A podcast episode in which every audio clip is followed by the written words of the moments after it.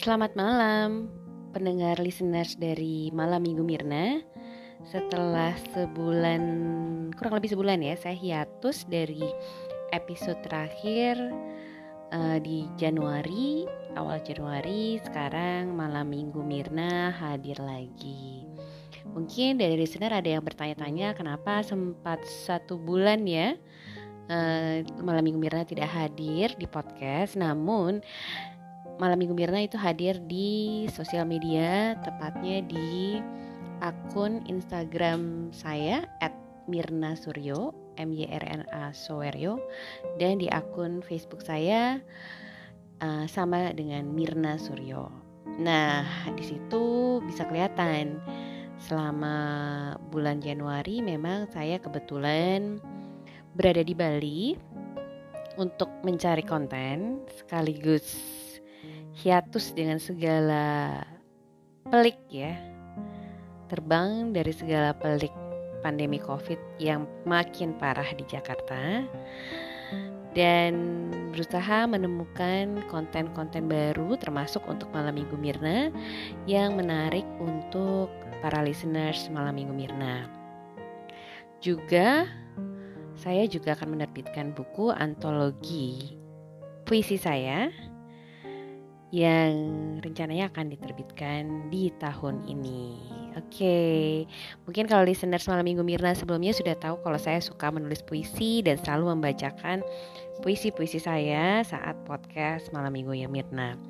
Nah, karena saya mau menerbitkan buku puisi saya sendiri, makanya terhitung mulai malam minggu Mirna kali ini saya akan membacakan puisi-puisi orang. Biar surprise nanti begitu buku puisi saya terbit ya. Jadi biar tidak dibacakan dahulu ya puisi-puisi saya. Jadi tunggu jangan lupa nanti order bukunya kalau saya sudah umumkan launchingnya. Oke okay, eh, episode malam minggu Mirna kali ini kebetulan karena saya masih berada di Bali saya akan bicara tentang sakit hati. Kenapa saya akan bicara tentang sakit hati? Karena saya teringat akan satu tempat di Bali di mana banyak orang yang patah hati, entah itu patah hati sama pasangannya atau mungkin patah hati kecewaan karena hal-hal lain dalam hidup ya, misalnya pekerjaan atau hal lainnya di mana biasanya orang-orang tersebut yang mengalami patah hati tersebut pergi ke satu daerah di Pulau Bali yang bernama Ubud. Jadi Ubud itu terkenal sekali sebagai tempat untuk healing. Healing ourselves, healing uh, emotional ya. Makanya banyak sekali tempat yoga, tempat meditasi di uh, Ubud. Nah, karenanya saya terilhami nih ya untuk uh, membuat episode podcast malam minggu Mirna kali ini berbicara tentang sakit hati dan menepiskannya hingga pergi. Oke, seperti biasa sebelum saya mulai membahas tentang sakit hati dan menepiskannya hingga pergi, saya akan bacakan satu puisi kali ini dari kumpulan sajak dari Terelie. Judulnya kebetulan adalah Sakit Hati. Mungkin semua orang pernah sakit hati, juga pernah dikecewakan, pernah terbentur, ditinggalkan, dikhianati, dan berbagai situasi sulit lainnya. Maka sungguh beruntung orang-orang yang menjadi lebih kuat, lebih tangguh setelah semua kejadian tersebut maka sungguh spesial orang-orang yang menjadi lebih paham, lebih tegar melewati seluruh situasi tersebut. Semoga itu termasuk kita. Nah, pas banget kan dengan tema kita malam ini bagaimana menyingkirkan si sakit hati. Ya, entah sakit hati kepada pasangan atau sakit hati mungkin kepada tempat bekerja kita, atau sakit hati kepada bos kita, sakit hati kepada orang tua kita, kepada kakak kita, ya banyak lah ya. Atau teman kita atau sahabat kita banyaklah penyakit hati di dunia ini ya. Nah terus bagaimana untuk menyingkirkannya? Yang pertama harus dilakukan pastinya adalah memaafkan diri sendiri Kenapa kita harus memaafkan diri sendiri? Karena sering kali pada saat sakit hati kita suka menyalahkan diri secara tidak langsung. Seperti misalnya ya salah saya sih ya dulu mau aja gitu ya sama mau aja nih menikah sama dia. Salah saya sih dulu mau aja digombalin sama cowok kayak gitu. Salah saya sih gitu, nggak pernah mau dengerin apa kata orang tua saya gitu ya. Jadi jangan pernah menyalahkan diri sendiri. Maafkan diri sendiri, maafkan termasuk kalau pernah merasa kesal, pernah merasa marah, pernah merasa kecewa terhadap orang-orang yang membuat kita kecewa dan sakit hati. Maafkan diri kita sendiri. Lalu yang kedua, lakukan wujudkan, ucapkan rasa syukur terhadap apa pun yang kita terima. Nah, biasanya tuh saya dan beberapa teman uh, punya jurnal ya, jurnal di mana kita biasanya menulis nih. Uh, sebelum tidur ya, uh, atau misalnya bisa juga kita kita tulis di jurnal atau mungkin di elektronik ya, di, uh, digital jurnal kita tulis what we are grateful for today. Tulis dari hal-hal kecil, misalnya bisa uh, bersyukur masih sehat, gak kena covid sampai sekarang. Bersyukur memiliki keluarga, anak, pasangan, orang tua yang mendukung kita. Dan bersyukur misalnya bahwa kita masih bisa uh, memberikan berkat kepada orang lain. Ya, jadi kita tulis minimum tiga yang kita syukuri pada hari itu. Karena dengan kita bersyukur, kita akan menarik hal-hal positif lagi dalam hidup kita. We attract what we are.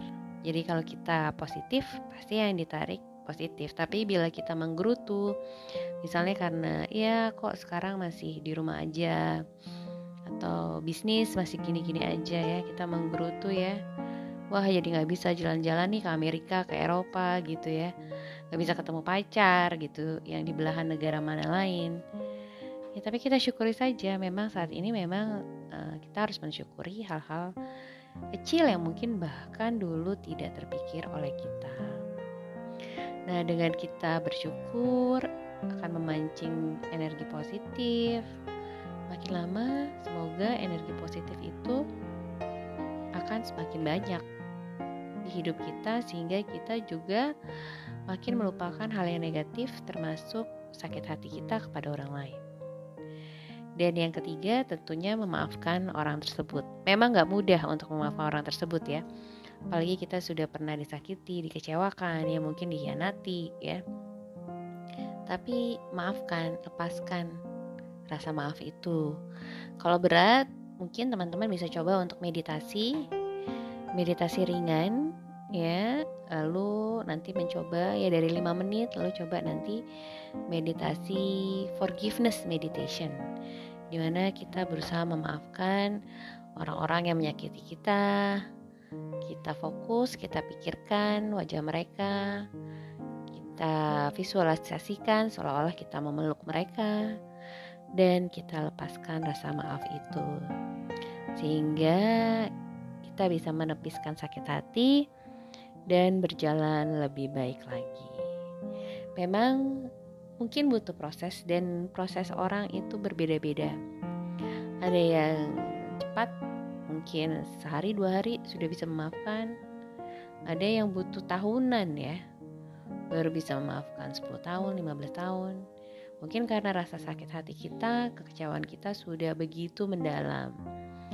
Tapi ingat, bila kita terus membawa rasa sakit hati ini, memendamnya, ya dan tidak memaafkan, maka itu akan mengganggu hidup kita karena kita tidak melepaskan energi positif kita menjadi negatif sehingga hal-hal negatif itu malah akan terus ada di hidup kita. okay? nah itu tips tadi dari saya yang saya dapat dari uh, membaca saya lagi baca uh, juga baca novel bukan novel ya sebenarnya baca non fiksi dari Jay Shetty Think Like a Monk. Juga dari hasil bincang-bincang saya dengan beberapa life coach ya yang membuka wawasan saya termasuk uh, Muara Makarim, uh, Mia Amalia, uh, Joyce Pauline dan nama-nama uh, yang uh, mungkin saya lupa untuk sebutkan di sini. Saya berterima kasih pada para life coach tersebut ya berbagi sehingga saya bisa berbagi kepada listeners malam minggu Mirna kali ini.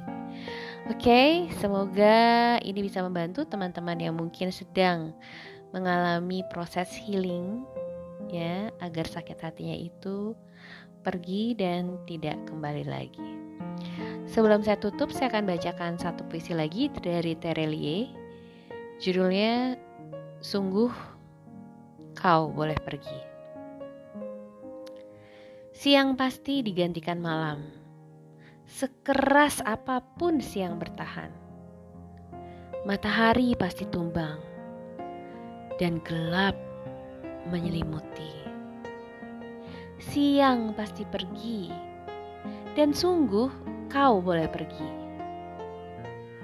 Kelopak mawar pasti rontok. Sekeras apa pun dia ingin mekar lama pasti tiba masanya layu dan tangkai-tangkai membisu. Mawar pasti pergi dan sungguh kau boleh pergi. Hujan pasti reda. Selama apa pun dia hendak turun, pasti tiba masanya habis dan menyisakan basah di halaman. Hujan pasti pergi, dan sungguh kau boleh pergi. Maka, apalagi urusan perasaan, cinta bisa berganti benci. Percaya memudar, berganti kusam ragu. Pun komitmen menipis berubah jadi lupa Kau boleh pergi, sungguh boleh. Tapi aku akan tetap di sini. Meyakini bahwa besok pagi malam pun akan berganti siang. Mawar baru akan merekah ulang. Dan hujan berikutnya pasti akan datang. Kau sungguh boleh pergi. Jadi, listener semalam minggu Mirna, jangan takut untuk pergi dari sesuatu yang membuat diri kamu sakit, hati kamu sakit. Pergi dan buatlah rasa damai itu sendiri. Ingat, malam minggu sendiri bukan berarti harus diratapi. Selamat malam, love you all.